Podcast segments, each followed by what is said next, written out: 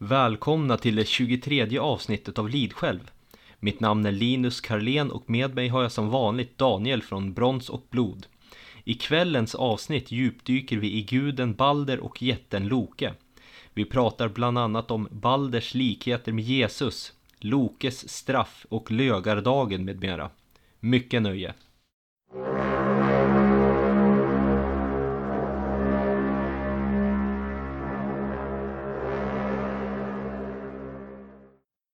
Ja, välkommen Daniel till det 23 avsnittet.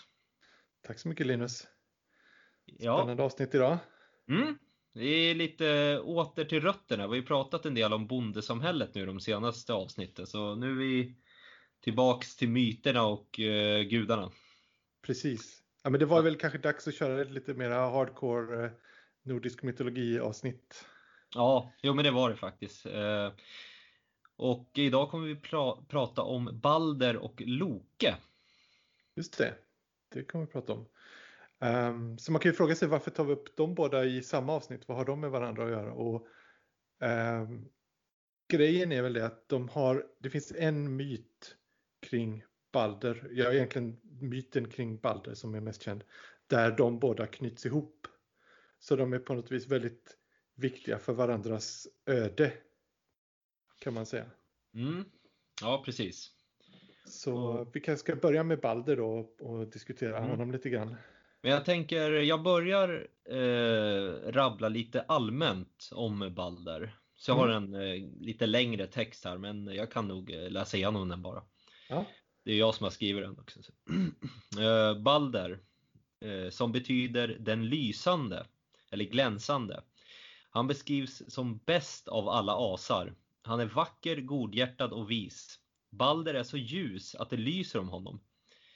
Så man skulle kunna kalla honom ljusets gud. Eh, han är en fredsstiftare och en mild domare.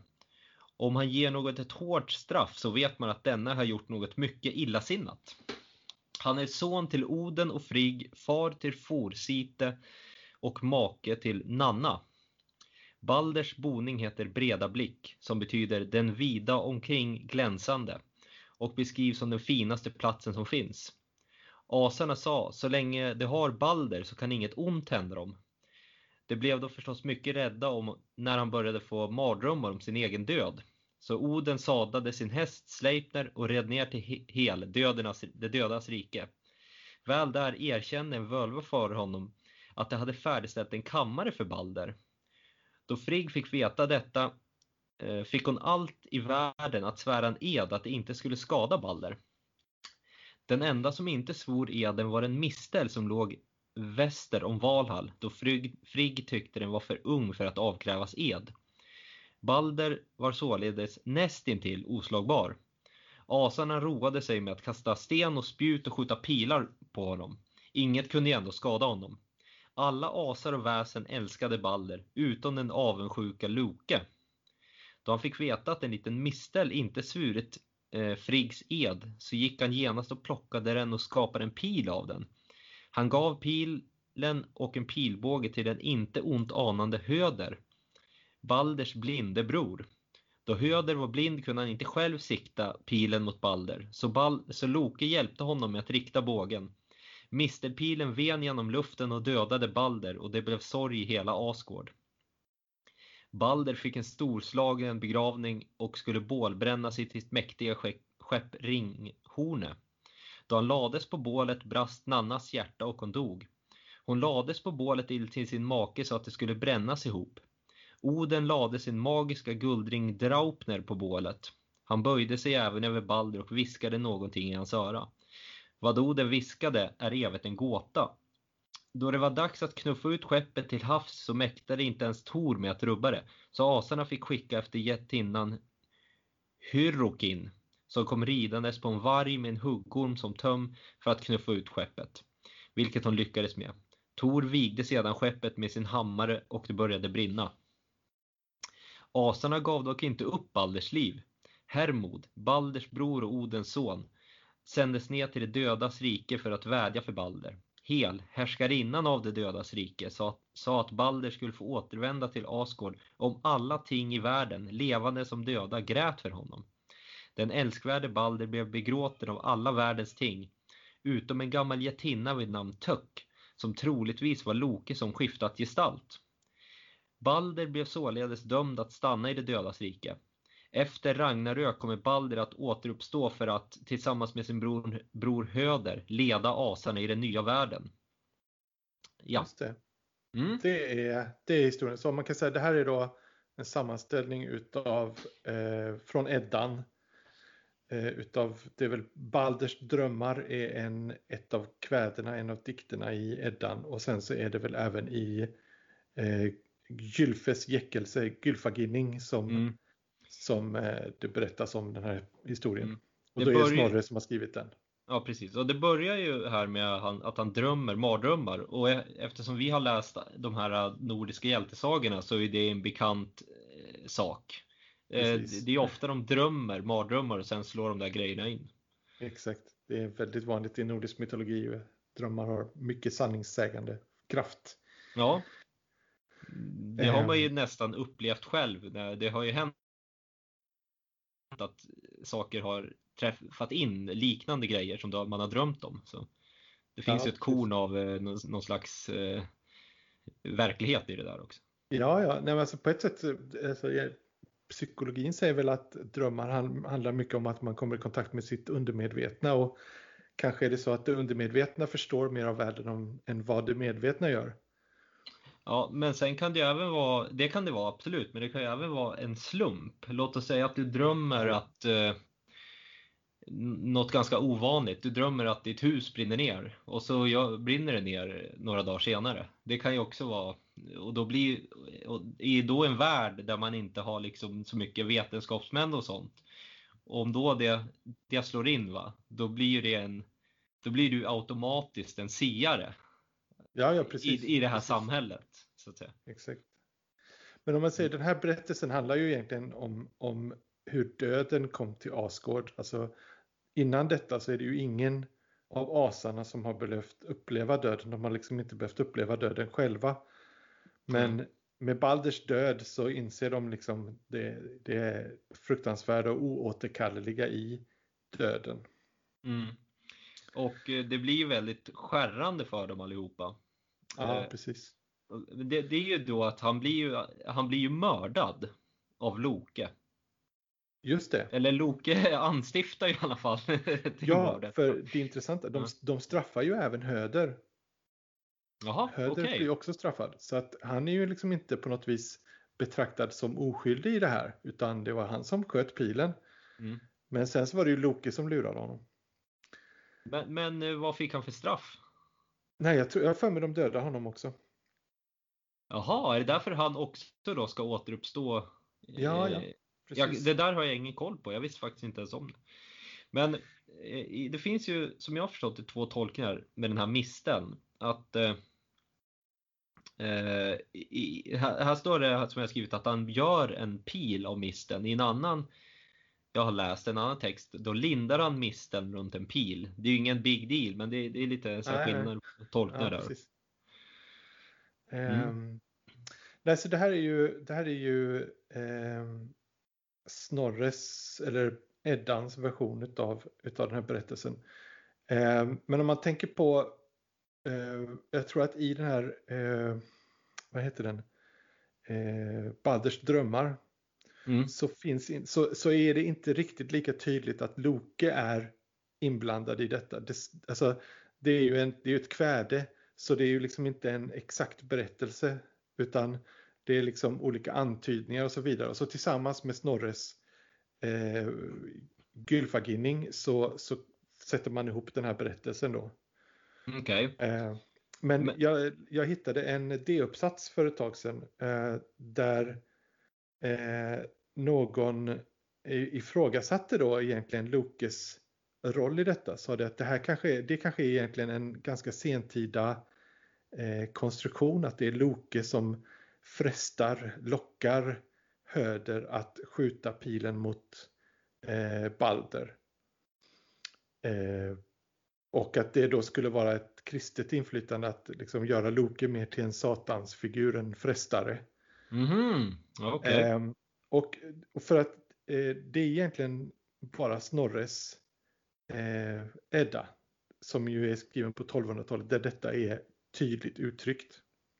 Mm. Så om man tänker bort det så får man kanske en lite annan bild av händelseförloppet. Um, nämligen att, att det kanske är Höder som vill döda sin bror eh, Balder. Mm. Ja, det, men du som har koll på Saxo Grammaticus, han har väl även ja. skri skrivit om det här? Exakt, så han har ju då en, han är ju då samtida med Snorre, ska vi säga. Mm. Eh, kanske något eller två decennier före. Men han har ju då också berättelsen om Höder och Balder, men det är en helt annan berättelse. Alltså, vi kan ta den lite snabbt. Mm. Då är det så här att eh, Höder han är eh, fosterson hos en kung Gevar som har en dotter Nanna. Och de blir då förälskade och trolovade. Eh, men så av någon anledning så måste Höder resa bort och då dyker eh, Balder upp. Balder han är då eh, halvgud. Han är son till, undrar om inte han är son till Oden och så har han en mänsklig mamma. Och mm. han tvingar egentligen Gevar då att låta honom gifta sig med Nanna. Fast, han egentligen, fast hon egentligen är bortlovad. Han, alltså Gevar vågar inte neka honom. Utan han säger till Höder helt enkelt att du får, du får slåss för din rätt. Förklara krig mot Balder. Mm -hmm. Så eh, de strider då eh, en, ett våldsamt krig. Och eh, i några olika omgångar, det går lite fram och tillbaka men eh, Balder är ju då, han, han, går inte, det går inte att döda honom eftersom han är en gud. Men eh, Höder han eh, eh, pratar då med eh, några Nornor och får veta då att han kan få tag på ett svärd från trollet Mimer. Och han kan då få tag på en gudaspis och så får han ett eh, styrkebälte. Och med de här tre sakerna tillsammans då så kan han besegra Balder. Och han hugger då ihjäl honom och eh, Balder dör då. Så han är den första guden som dör. Och det är liksom en annan berättelse. Mm, den är ju ehm. verkligen helt annorlunda. Ja, precis. Alltså den har en annan moral. Eh, så man kan ju fråga sig då, är det, har, är det liksom, har de någonting med varandra att göra? Eller är det liksom två helt olika berättelser? Alltså, ja, men det är det att han dör är ju det centrala då i alla fall. Exakt. Mm. Men eh, det finns, det, det, var ju det här med alla gråter för Balder. Mm. Och det var en sak som jag noterade här i förra veckan när jag höll på och skrev ett inlägg om, om just den här eh, Saxo Grammaticus eh, Baldermyt. Att även i Saxo Grammaticus version så gråter faktiskt marken för Balder. Därför att det är några tjuvar som långt efter då, hans eh, död som bestämmer sig för att de ska plundra hans gravhög. Men när de gör det så börjar det då strömma vatten ur marken så att de här plundrarna får fly och då inser de att de ska låta den här graven vara i fred. Så på det viset har han på något vis knutit in, det finns liksom rester utav en, en, eh, en berättelse där, där liksom allting gråter för Balder. Mm. Ja, men det du... finns yt ytterligare, och, mm. förlåt. Nej men du kan fortsätta. Jo, så var det det att eh, eh om vi ser då, vad handlar den här Bald eh, Saxos Balder-myt om? Den handlar om eh, människan, en människa som krigar mot en gud. Och eh, det, det finns även som ett tema i Iliaden. Där det är en eh, eh kämpe som heter Diomedes. Som är, han är absolut en av de största kämparna i Iliaden. Han är det är väl bara Ajax som är starkare än honom på grekernas sida. Eh, och eh, han strider då och han får då hjälp av Athena att eh, han får då en, ett spjut som gör att han kan såra gudar. Så han kastar det då mot Ares som hjälper eh, eh vad heter det, trojanerna och sårar honom. Och eh, när då Afrodite försöker hjälpa Ares så sårar han henne också. Eh, de dör inte de här gudarna men de blir ju givetvis väldigt förskräckta då. De inser, anar ju liksom förräderi i sina egna led när, när de då kan bli skadade av en människa. Mm. Så att Höder och Diomedes har en hel del med varandra att göra. Alltså en extremt stark och duktig krigare som till och med kan strida mot gudarna. Um, så det, där finns det vissa paralleller. Det är inte 100% mm. klockrent. Men jag, jag, tror ändå att, alltså, du sa att Balder betyder den lysande. Men eh, man kan också säga att det är, man kan också förklara det som att det är härligt ur ett ord som betyder stark eller uppblåst. Mm, det är samma som, som det engelska ordet bold. Ja. Eller till och med eh, eh det svenska ordet bälg. Men eh, eftersom de här två myterna, de är så olika varandra. Hur kommer det sig att Snorres är så väldigt känd och den andra är i princip helt okänd? Nej, men jag tror det går tillbaka på att eh, faktiskt så var det vad heter han, Jakob Grimm som, eh, som helt enkelt avfärdade Saxo en gång i tiden. Och sen dess så är det ingen som har tagit Saxos version okay. av Balder-myten på allvar. Nej men om, om Baldermyten, Saxos Baldermyt har en eh, gemensam släkting i det forna Grekland. Men eh, Snorres Baldersmyt har egentligen ingen släkting. Det kanske är Saxos som ligger närmare sanningen. Ja, det kan vara så. Mm. Det finns ju även en teori om att Snorre fick sin eh, Snorre byggde sin vad ska man säga, återskapade myten. För vid hans tid så kanske den inte var helt känd, och åtminstone inte utav honom, utan det som fanns kvar var eh, de här kväderna. Mm. Eh, men då fanns det i eh, vad heter det, Hjardarholt på Island så fanns det en stor sal. Det var alltså en, en festsal som hade då eh, byggts någon gång några hundra år tidigare. Och där, den var känd därför att den var utsmyckad med mytologiska motiv. Och det här finns då beskrivet i ett eh, kväde som heter Husdrapa. Och det är en förklaring som har kommit fram, som har föreslagits, men det är väldigt svårt att bevisa, är att Snorre helt enkelt tittade på de här bilderna och där såg då någon som hjälpte Höder att skjuta en pil. Och han tolkade då in att det var Loke som gjorde det för att Loke var ju eh, ond. Mm. Ja, det finns ju inget annat som styrker det här. Det finns ju inga runstenar eller äldre skrifter eller något som, som omnämner den här, det här förräderiet av Loke. Nej, eh, precis. Så om man, om, man, om man tänker bort den här episoden då, att mm. tänker oss att Loke inte var inblandad i detta utan att det var Höder som av någon anledning ville döda om det nu var hans bror, mm. eh, i alla fall ville döda Balder. Då blir ju kanske bilden av Loke lite annorlunda. Då kanske han blir mer av en sån här trickster-gud. Mm. Mm. Ja, vi kommer komma in på Loke sen. Så. Precis, precis. Um, Men vi kan ju gå vidare lite då. Att, eh, eller är du klar med mytdelen? Nej. Ja, precis. Det kan vi säga. Ja, ja. Det finns ju en del ortnamn i Sverige som kun, skulle kunna syfta på dyrkan av Balder.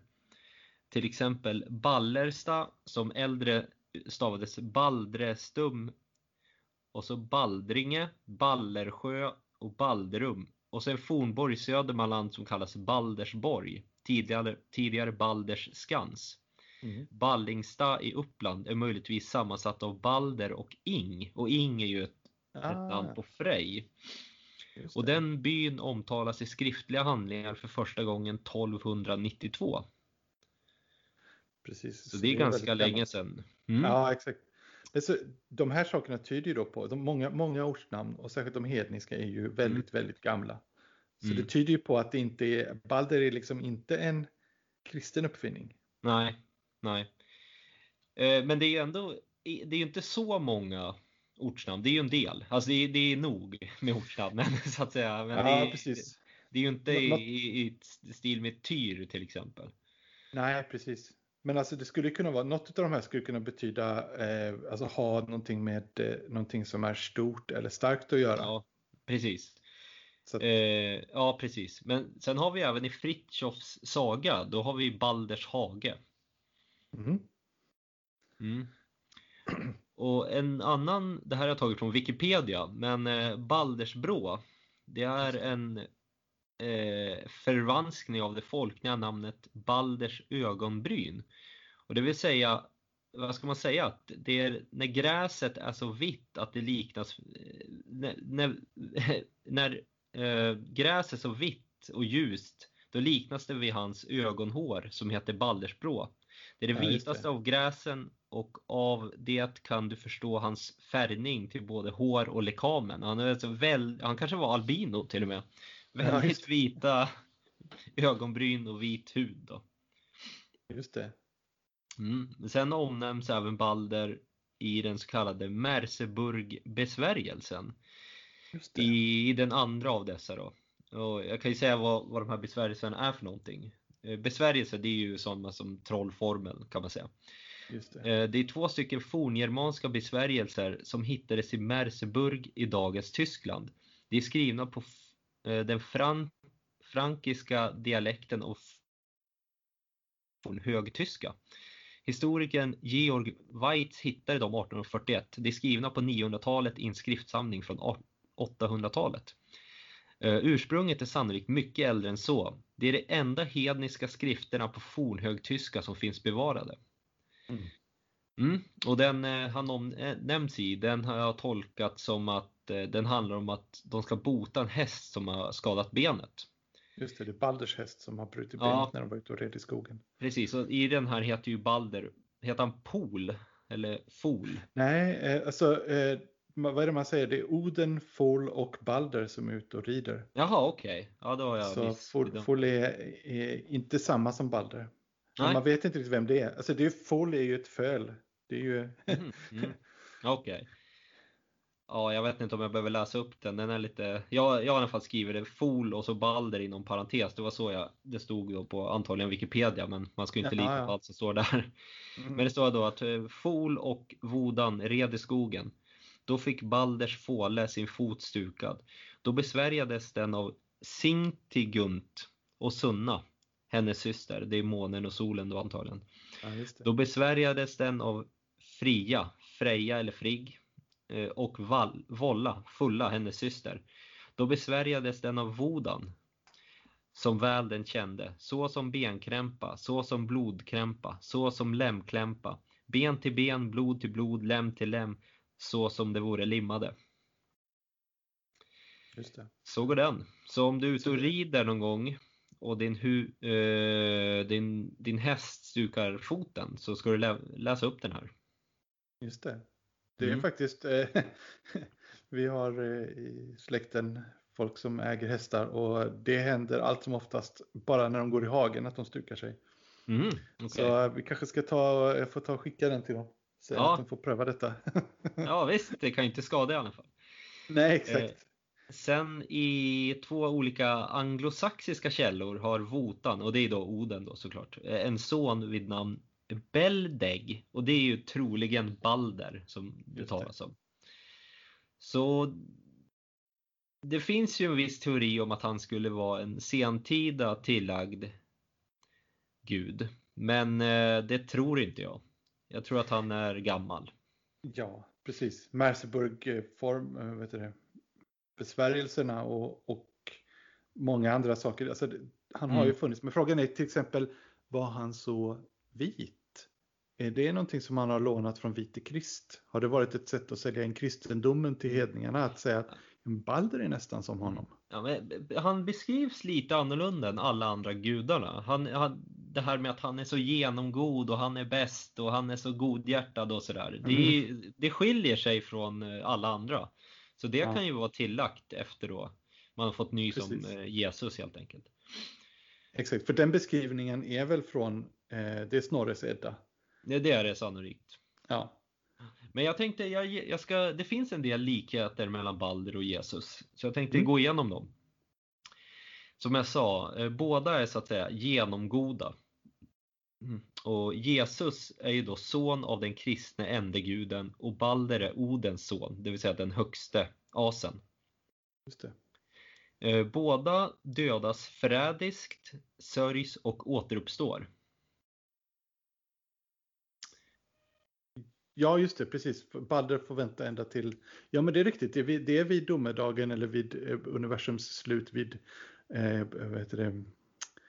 Ragnarök som, mm. Som de kommer tillbaka båda två. Det är riktigt. Mm. Så båda de punkterna är väldigt stora punkter. Just att de är högsta gudens son och de dödas och återuppstår. Och båda ska vara domare vid, vid eh, alltså, Balder är domare, en rättvis domare och Jesus ska vara domare vid domedagen. Mm. Så att eh, det, man, det, det, man kan tänka sig här nu då, det är att kanske Balder hade en liten annan utformning eller annan gestalt 500 år innan Snorre skrev sin Edda. Precis. Alltså det, det, är svårt att bevisa det, men ja, om man tittar på Saxos berättelse och antar att de båda har samma ursprung, mm. så kanske Saxos berättelse, till exempel bara en sån sak som att eh, Balder där är stor och stark, mm. vilket hans namn indikerar, medan han i, hos Snorre är eh, ljus och god. Vilket inte har någonting med namnet att göra. Mm. Ja, I och för sig, ja, Balder precis. säger man och ljus skulle, skulle ha med det att göra. Men jag, vet, jag har inte sett någon sån etymologi faktiskt. Nej, jag vet inte vilket språk, för på tyska var det va? Då betydde väl bald, var det snabb eller snart? Snar? Betyder. Snart, snart, ja precis. Så, så det... man vet aldrig vart de har kommit på. Nej, precis. precis. Men en bekant till mig, han skrev så här till mig. Eh, Balder då. Inte en av de mest styrkade gudarna. Han är ju död. Han fyller en mer mytologisk roll. Mm. Han finns för att dö. Hans, han är även moderskärlek, öders, ödets orubblighet, avundsjuka, svek etc. Och det jag tycker ja, alltså han, han fyller den rollen. Han finns för att dö. Det är hans öde är ju... Ja, precis. Och jag menar, det har ju varit viktigt i, i, i nordiskt, vad ska man säga, synsätt, nordisk världsbild har ju ödet varit extremt viktigt. Mm, mm. Alltså att du kan inte undkomma ditt öde. Nej. Eh. Du, du, var inne en del på Balders fru Nanna tidigare. Men jag, jag, tänkte jag berätta lite om henne också. Mm. Hon, hon är ju inte en av de mest omnämnda gudarna men eh, ja, eh, Nanna som betyder den järva är Balders fru. Hennes fullständiga namn är Nanna Nepsdotter. Hennes namn säger då oss att fadern hette Neper. inte det ett motorcykelmärke, Neper? Ja. Jaha, det, det, det, det är inte ett Dnepr som i floden, den ryska floden? Ja, det kanske är.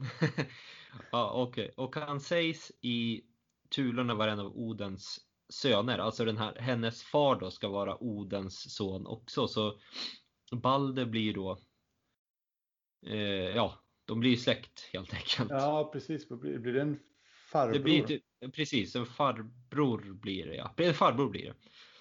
Han var alltså bror till Balder. Han är mor, hon är mor till Forsäte och syster till Sigun, Lokes fru. Så här är en ytterligare eh, koppling då mellan de här gudarna. Just det, intressant. Mm. Mm. Och vi kan gå in på Forsäte som är eh, sonen till Balder och eh, Nanna. Det är eh, rättvisans gud. Han, han är som en domare han också. Just det. Och Hans namn betyder ordförande. Ja, den som sitter i första stolen kan man också ja, översätta det. det. Och den som styr i det isländska parlamentet kallas än idag för forsäte. Aha. Mm. Mm. Eh, och det som händer då enligt myten är att hon, hennes hjärta brister när han läggs på bålet. Just det. Och eh, man kan ju tro då att det här, eller det fanns ju eventuellt en kultur då så att om en högman dog då skulle frun tas med till nästa liv. Mm. Och då kan de, ha, de som skriver myterna då ha besparat sig för att de kanske inte vill skriva att gudarna dödade henne för att lägga henne mm. också på likbålet. Det Nej. finns till och med enligt vad heter Flatrejarbok var det sed bland, eh, var det bland svearna lag att änkan till en kung skulle brännas med honom. Eh, Nannas plötsliga död strax innan bålet skulle tändas kom alltså mycket lägligt och besparade asarna plikten av att ta livet av henne. Och det här är ju även eh, indier gjorde ju det här innan. Det heter sati Precis. eller vi har faktiskt varit inne på det här en gång tidigare för Ja, precis. länge sedan. Ja, just det. Mm. Eh, det, det var ju i eh, jorden runt på 80 dagar 80 eller? dagar, ja exakt. Ja, Då räddade de ju en kvinna som skulle Mm. utsättas för detta. Ja. Och det här nämns ju även i Ibn, i, Ibn Fadlans skildring av likbålet. Och där det. är det ju faktiskt då en trälkvinna Just som det. de dödar. Eh, hon får leva gott va, i tre dagar och dricka sig packad och äta gott och allt sånt där. Sen dödar de henne. Men Mm. det kan vara ett missförstånd att det är en trälkvinna. Eh, Det finns att hon ska prata, eller hon ska säga någonting innan att hon blir dödad. Det, det tyder mer på att hon vore en, en kvinna av en högre status. Mhm, Ja, just det. Det är ju Precis. mycket missförstånd med den där Ibn Fadlan. Ja, ja. ja, ja.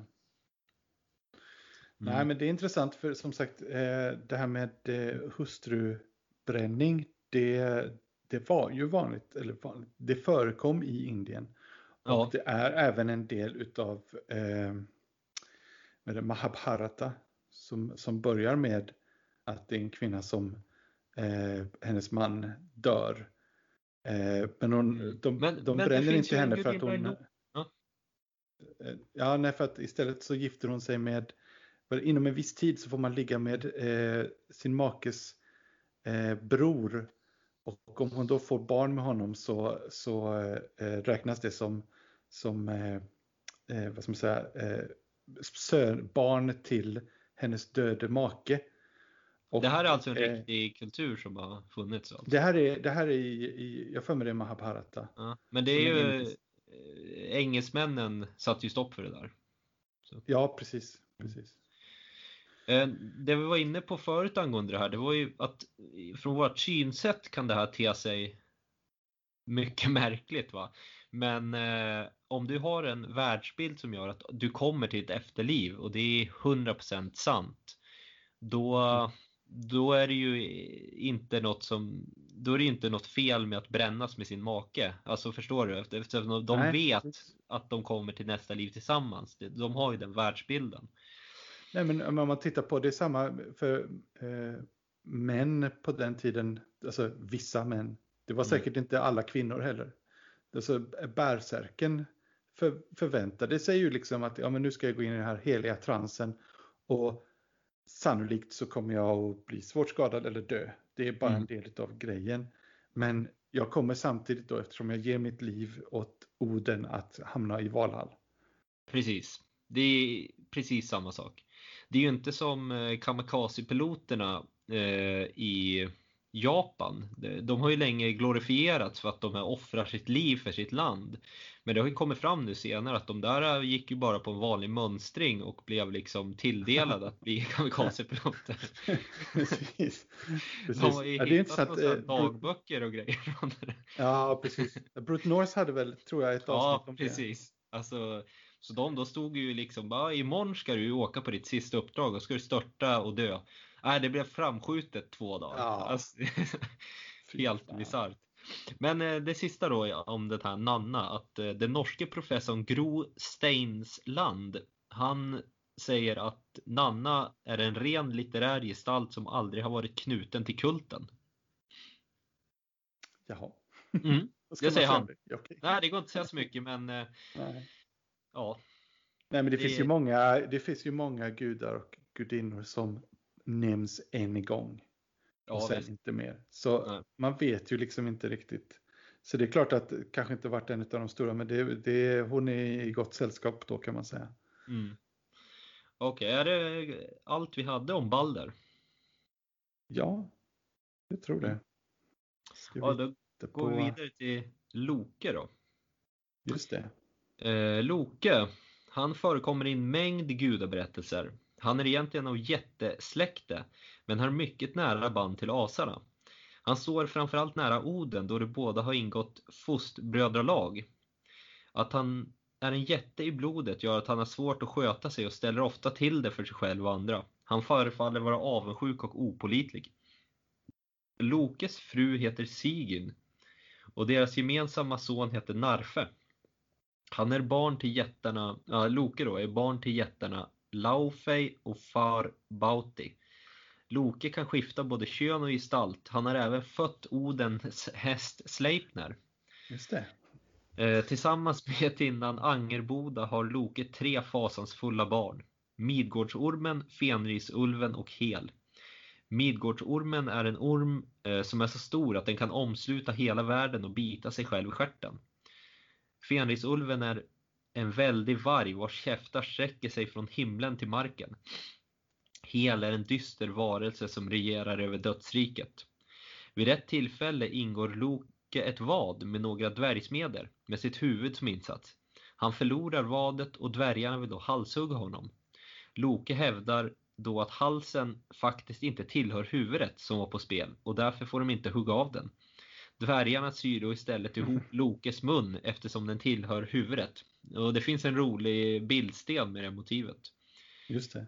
Eh, Loke har ställt till med mycket bekymmer, men måttet blev rågat för asarna då han lurade den blinde Höder att dräpa sin bror Balder.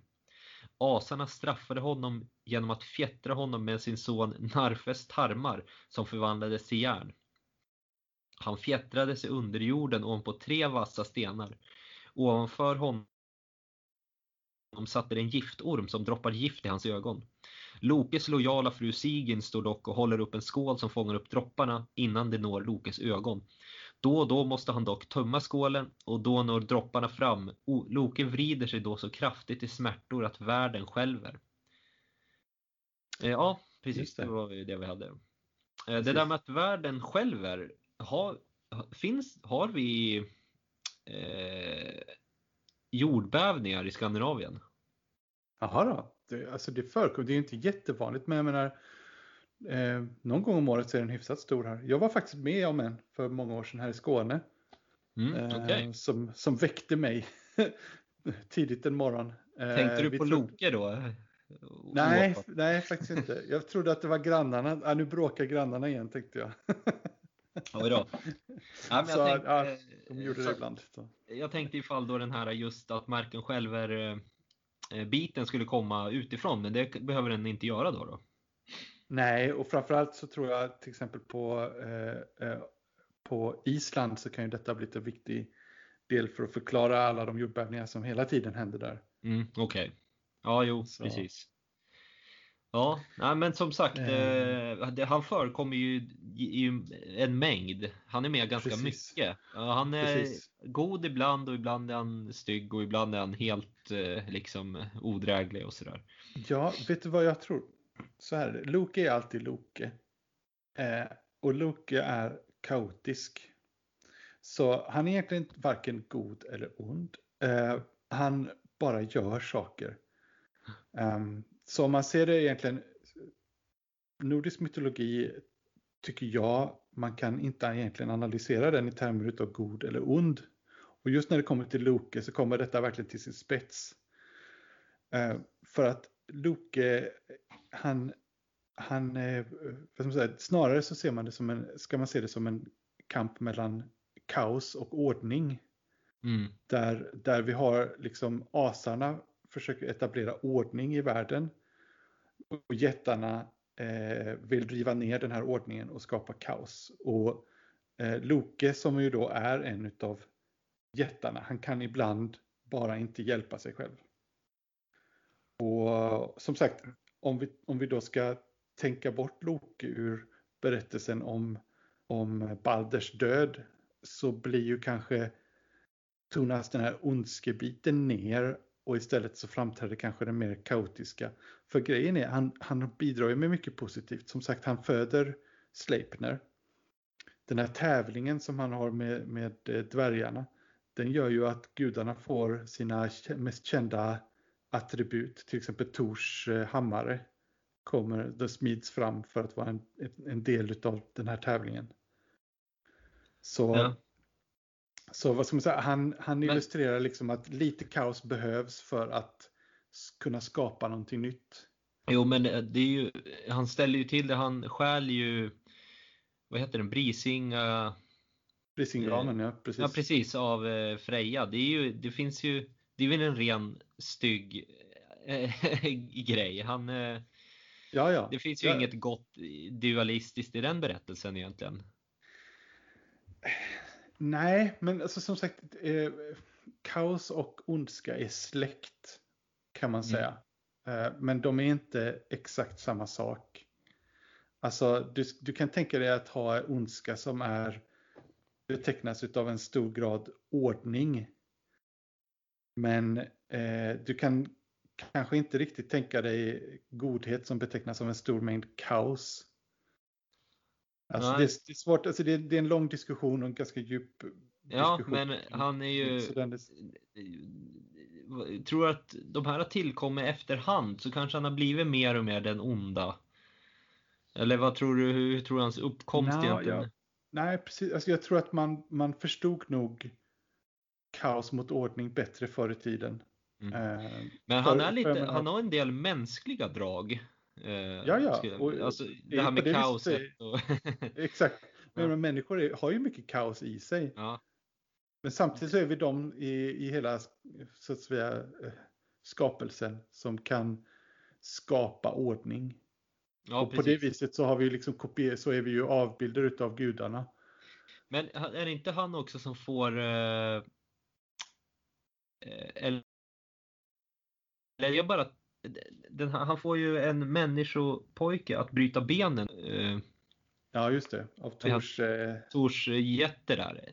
Det är väl en myt, eller är det bara något i den här serietidningen? Men det är väl en myt? Nej, nej, nej, nej, det finns med i, mm. Eh, det är i utgårda, nej, fasen är det? Jag är osäker, men jag tror ja, det. Du känner igen det i alla fall? Ja, precis. Det är när de ska till... Mm. Så det är så här småaktigt och... bara... Ja, men precis. precis. Och han, han drivs av, ska vi kalla för, låga eh, instinkter som avundsjuka och ja. sånt. Ja, han går ju även på fest hos Ägir och är riktigt odräglig.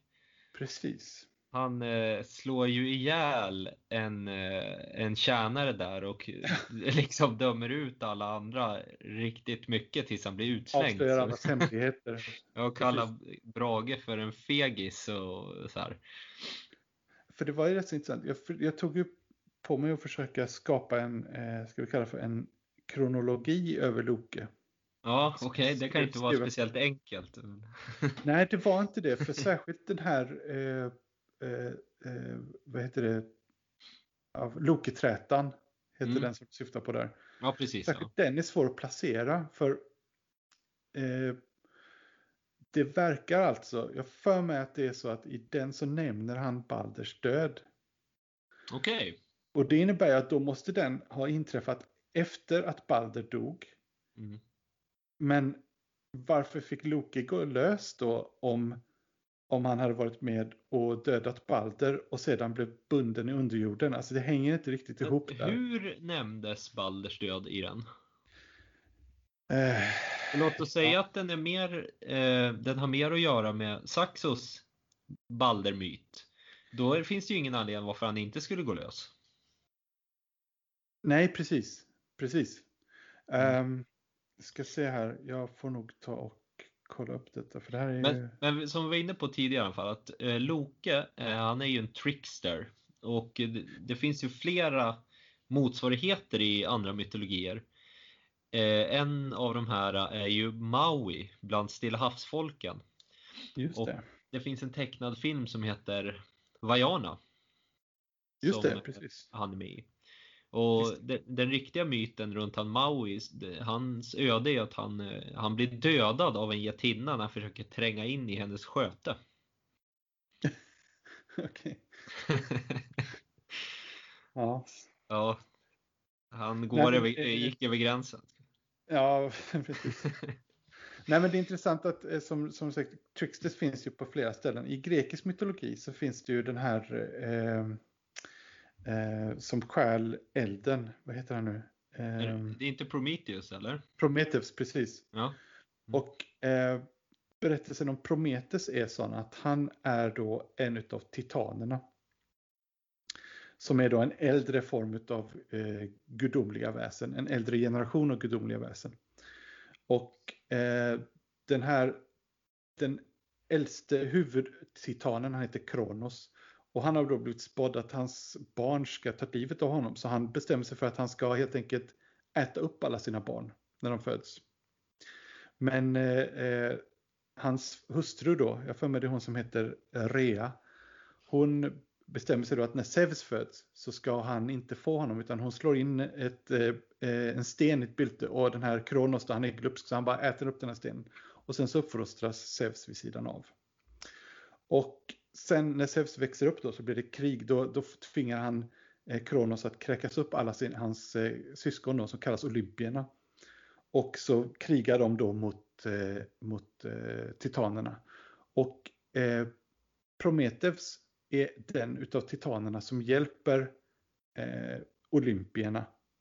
Så han blir då på något vis eh, svär kan man säga då, i nordisk terminologi svär fostbrödralag med Zeus. Och hjälper till att besegra eh, titanerna. Mm. Sen Men... så sviker han Zeus, därför Zeus har då uppfunnit elden och han vill inte låta människorna få den. Men Prometheus, han eh, lurar Zeus, tar elden och ger till människorna. Och för detta så blir han då straffad. Okej, okay, men det är ju stora likheter då mellan Ja, och... precis. Och, och, du ska se hur han straffas. Han blir fäst då på ett, högt uppe på ett berg. Så blir han bunden vid en klippa. Och varje dag så kommer det då en örn ner och äter upp hans lever. Och sen under natten så, så växer levern tillbaka bara för att han då nästa dag ska kunna bli plågad på samma sätt. Mm.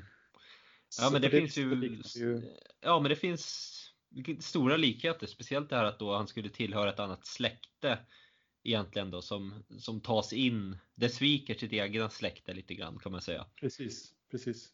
Som man ser det då, om vi ska ta parallellerna till nordisk mytologi, så kan man ju säga att eh, vi har ju egentligen två kandidater på vilka som skulle kunna vara Nordens eh, titaner.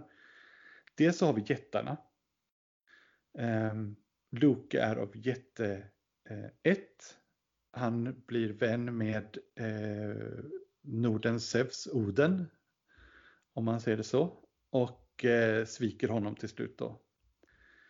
Eh, eller så kan man se det som att eh, Loke, eh, eller så kan man se det som att vanerna är eh, Nordens titaner. Men även där fungerar det på samma sätt, för vanerna har ju lite annan relation till jättarna än vad asarna har. Vanerna mm.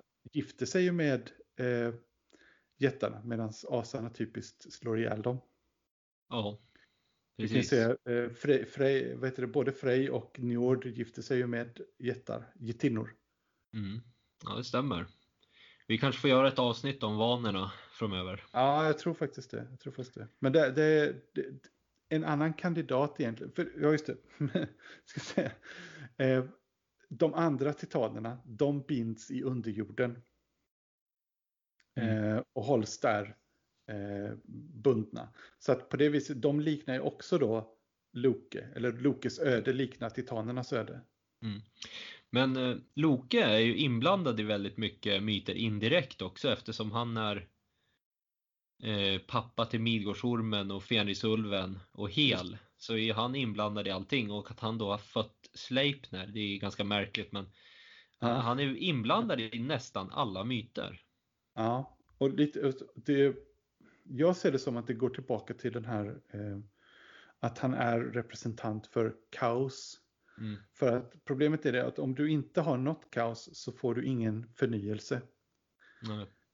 Eh, för liksom han, han, hans, han utmanar status quo, skakar om saker lite grann och fram då kommer en ny, till exempel ett, en, ett nytt vapen till Tor eller en ja, ny häst är... åt Oden. Ja, eller... eller... bara en berättelse i sig.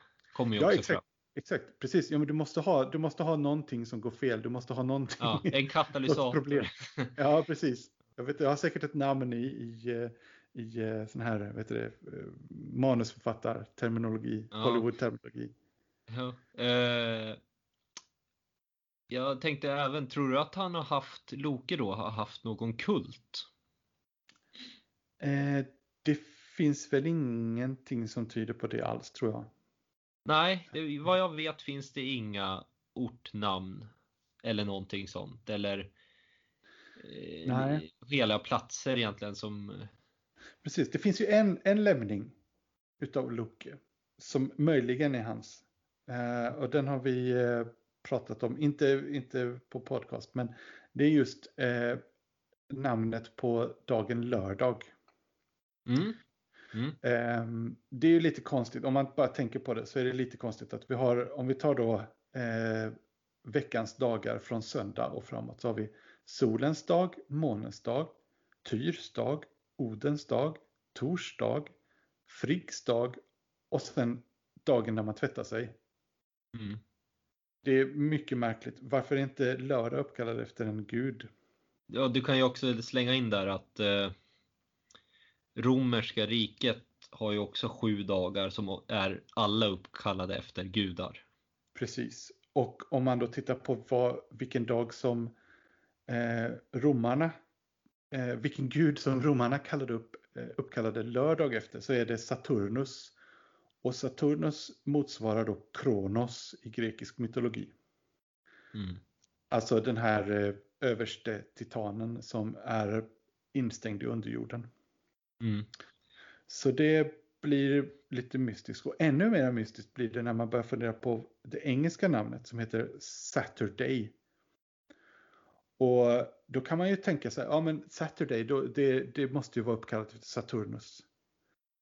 Eh, för Ja, menar, ja, engels- absolut. eng- men det, det, antagligen är den inte det. Därför alla andra engelska namns eh, veckodagar är uppkallade efter eh, sax och anglosaxiska namn på gudar som motsvarar exakt de nordiska. Mm. Så, så de har alltså ta- antagligen fått sitt namn innan skillnaden mellan engelska och eh, nordiska blev särskilt stor. Alltså vi snackar århundradet efter Jesu, eh, så våran tids, tidräknings början. Eh, Ja, det- så, så det man tror är att, eh, och det finns vissa belägg för det, att Saturday istället uppkallad efter en gud som heter Saetere. En anglosaxisk gud som heter Saetere. Och han är en eh, lömsk jordbruksgud. En lömsk jordbruksgud. ja, exakt. Alltså, eh, det är samma, och det passar ganska bra in på Saturnus. Därför Saturnus var från början en romersk jordbruksgud. Men han hade vissa lömska drag. Som gjorde att man då identifierade honom med Kronos. Eh, medans eh, Saetere, han då sägs ha haft mycket med jordbruk att göra och, och eh, vad heter det, produktivitet för åkrar och så vidare. Samtidigt så betyder hans namn eh, typ att ligga i bakhåll. Mm. Eh, så han, han är alltså en, någon som ligger i bakhåll samtidigt som han är en jordbruksgud. Det, det är lite komplicerat men eh, den här Seitere då skulle kunna vara en motsvarighet, den anglosax, alltså ett anglosaxiskt namn på Loke helt enkelt. Mm. Eh, Jag tänkte gå igenom lite det här med sju dagars vecka. Ja, precis. Varför har vi Eh, sju dagar? Ja, varför vet jag ju inte. Men mycket talar för att dessa dagnamn spreds till de germanska folken genom kontakterna med det romerska riket under 200-talet. Och det har vi redan täckt. Mm. Eh, Sju dagars vecka omnämns vid alltingets grundande på Island år 930. Mm. Då ansågs det isländska året vid denna tid bestå av 52 sjudagarsveckor. Och det är rimligt att förmoda att denna veckoräkning följde med de isländska nybyggarna från Norge. Just det. Eh, Förutom de isländska källorna har man även hittat belägg för veckoräkningen i Dalarna och de sydsvenska landskapen, men kvarlevor återfinns även i andra delar av Sverige. De tidigaste beläggen är från mitten av 1600-talet. Mm. Eh, Jag läste ett arbete som heter, eh, ja vad heter det nu, Jul och Disating, något sånt där, flera hundra Mm. sidor långt. Eller jag har skummat lite i det. Och där såg jag en fotnot som det stod att Laugardagen, alltså lögardagen, är den, eller är den enda ursprungliga nordiska dagen. Och det kan, det här är en lång far-fetched teori, men det kan ju vara så att alla andra dagar hade namn för olika sysslor. Innan vi kom i kontakt med romarriket. Ja, ja.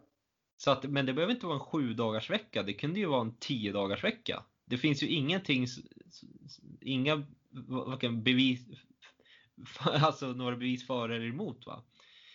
Nej, precis. Så du skulle kunna Nej, ha det här ja, slaktdagen, jägardagen, tvättdagen.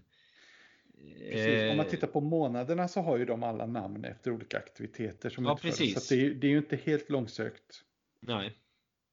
Att ta det också. Så att, ja, nej, som sagt, det, det, det, det finns ju ett korn av det. Ja, ja, men eftersom du har just lau, laugardagen, alltså tvättardagen. Du, varför har du en dag med en syssla mitt i allting? Mm. Det, är ju, det känns också lite nordiskt att man skulle ha dagnamn med olika sysslor. För om du kollar på ja, ja, ja. Eh, gamla, vad heter den där, runkalendern och det, allting var ju uppstyrt med sysslor. Så Ja, just det. Mm. Och vad heter det? Bondepraktikan och det här. Ja, bondepraktikan, precis. Eh, jag men, tänkte... Nej, men det är intressant för eh, vad heter det, i de gamla gotiska namnen. Goterna var ju eh, väldigt, vad ska man säga, de hade ju skriftspråk och sådana saker tidigt. Mm. Eh, men deras eh, namn på lördag är härligt från sabbaten så mm. det mhm. var så sabbatsafton. Så det är egentligen eh, eh, ja, härligt från kristen.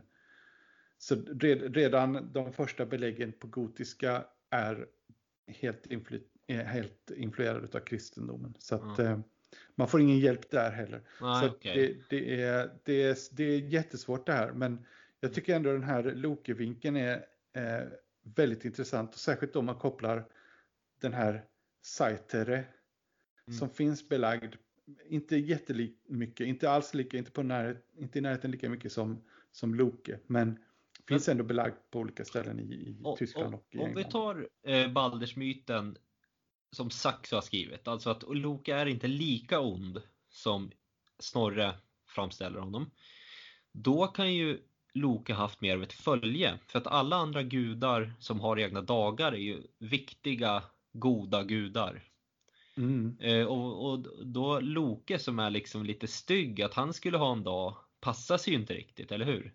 Då skulle ju lika gärna Utgårda-Loke nästan kunna ha en, en dag. Förstår du? Alltså, precis. Så att eh, han kanske, jag tror att kanske han var mer en vanlig gud med lite, ja han var lite egen sådär. Sen har det byggts på under århundraden det här, hans elakhet. Ja, ja.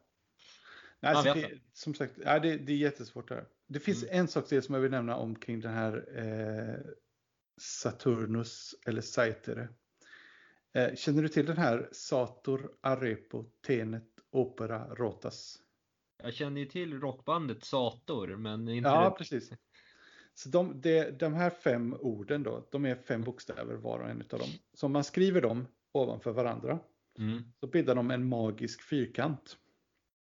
På det mm. viset att du kan läsa då samma ramsa uppifrån vänster åt höger och sen ner rad för rad. Mm, mm. Eller uppifrån vänster neråt kolumn för kolumn. Eller ner från höger åt vänster och uppåt. Eh, eh, jag har en bild på bloggen på den här. Men det är då en magisk kvadrat och den har man hittat på väldigt många olika ställen. Och den är urgammal eh, romersk. Eh, och man har, till exempel så har man hittat den i, i eh, vad heter det, alltså på, i, i Jerusalem på flera ställen där, där korsriddarna var. Eh, så har man hittat den här, de har ristat den på olika ställen. Eh, det är någon slags beskydd, eh, skyddstrollformel. Mm. och det går att läsa ut den på latin och det handlar någonting om att eh, såningsmannen eh, Sator eh, vrider eller håller tidens hjul. Um, så den är full med liksom sån det låter väldigt mycket Da Vinci-koden eh, Ja, precis, precis. Nej, men jag tycker det, det är fascinerande att se att oj, helt plötsligt så poppar den upp mitt mm. i den här berättelsen där vi försöker rota i vad, vad, vem Luke är och vad han, vad han har för roll. Mm. Jag har även en sista punkt här och det är likheter mellan Loke och Jesus. Vi var ju nyss inne på Ja, Balder och Jesus. Det, ja, exakt. Ja, men det, det var intressant. Eh, båda då är ju en utböling kan vi säga. Jesus kommer ju där till Jerusalem och han är ju eh, De flesta är väl romar och judar och så. Han är ju liksom den här nya eh, han, är, han är ju en utböling helt enkelt. Ja, precis. Och man kan ju se det från eh, olika perspektiv men de ställer till problem både Loke och Jesus. Ja, precis. Mm. Eh, kristendomen har en fisk som symbol och Loke förvandlar sig till en lax. Var vi inne på det innan? Att han förvandlar sig till en lax Nej, när han skulle kom, komma... Nej, efter han blir då ertappad med det här mordet på Balder, då förvandlar han sig till en lax. För att försöka fly. Eh, för att försöka fly helt enkelt. Men de slänger ett nät på honom och fångar in honom.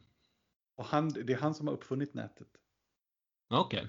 Men så har han försökt bränna upp det då. Så när de bryter sig in i hans, hans eh, hus så hittar de det här nätet då som är uppbränt och det finns liksom bara mönstret kvar av det. Så Mhm. Oden studerar detta då och lyckas till slut lista ut, aha, det är så det fungerar. Okej. Ja, det ser man. Eh, ja, båda, eh, både Jesus och Loke fångas in och torteras. Eh, Jesus spikas upp på ett kors. Loke binds med sina sons, sin sons tarmar. Eh, Josef av Arimatea samlade blodet som rann från Kristus vid hans korsfästelse. Sigun samlar upp ätter som droppar i Lokes ansikte i en skål. Jesus fick dricka ättika på korset. Ätterormens gift droppar i ansiktet på Loke. Mm. Eh, Jesus återkommer vid domedagen, apokalypsen. Loke återkommer vid domedagen, Ragnarök.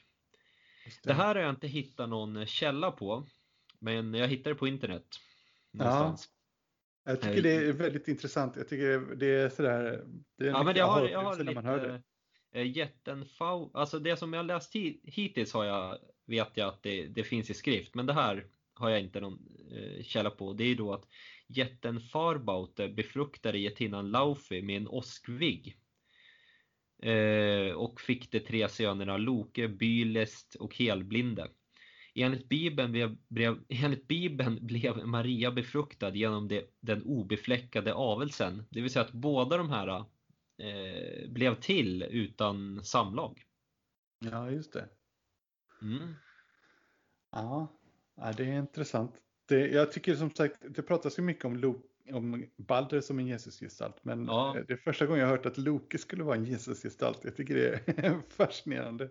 Nej men det, det finns ju så, som sagt likheter. De, de med Balder, det är mer rejäla likheter. Du förstår vad jag menar? Ja, ja, det, här, exakt, det här är mer små petitesser. Men, Ja, men, men, nej, men du nämnde det att ett Loke ska återkomma vid slutet på, alltså vid Ragnarök. Ja, det, det måste vi ju faktiskt ta upp också. Ehm, det har vi inte Ja. tagit upp förut. nej, Så om vi säger så här då. Han är ju den som sist, till sist bidrar till eh, gudarnas fall. ja, han leder väl eh, kaosarmén armén vid Ragnarök. Precis. Och eh, han, hans barn då, Midgårdsormen, som hela tiden eh, har retats med eller stridit med eh, Tor, dödar honom. Mm. Eh, vad är det? det vi har eh, Eh, ja, det har, Fenrisulven äter upp eh, Oden va? eh, na, ja, eh, nu kommer jag inte ihåg riktigt. Men i alla fall. Eh, eh, Ja, han själv, möter i alla fall sin eh, nemesis på något sätt där. precis. Och vem är då Lokes nemesis? Vem är det han strider mot? Ja, är det inte... Eh... Det är Heimdall. Ja, precis. Och de har ju mötts tidigare också. Just det, för de har nämligen brottats i for- form av sälar Mm. på eh, vad heter det, Singastenen. Ja. Och antagligen så var det då det de stred om var helt enkelt eh, Brisingamen, eh, Frejas smycke. Ja, nu ska jag... Dör eh... Loke i Ragnarök? Loke, vänta, Heimdall och Loke spetsar varandra med sina spjut. Precis, de dör båda. Just det. Eh, precis, och han, eh, han leder ju sin armé och allting, så det, han är ju ansvarig för Ragnarök egentligen då. Och då kan man ju Ja. se det här lite ur ett annat perspektiv, att asarna tar då in den här personen som är, kommer utifrån. Han är en främling. De tar in han, han ställer till med alla typer av problem och han blir även deras undergång.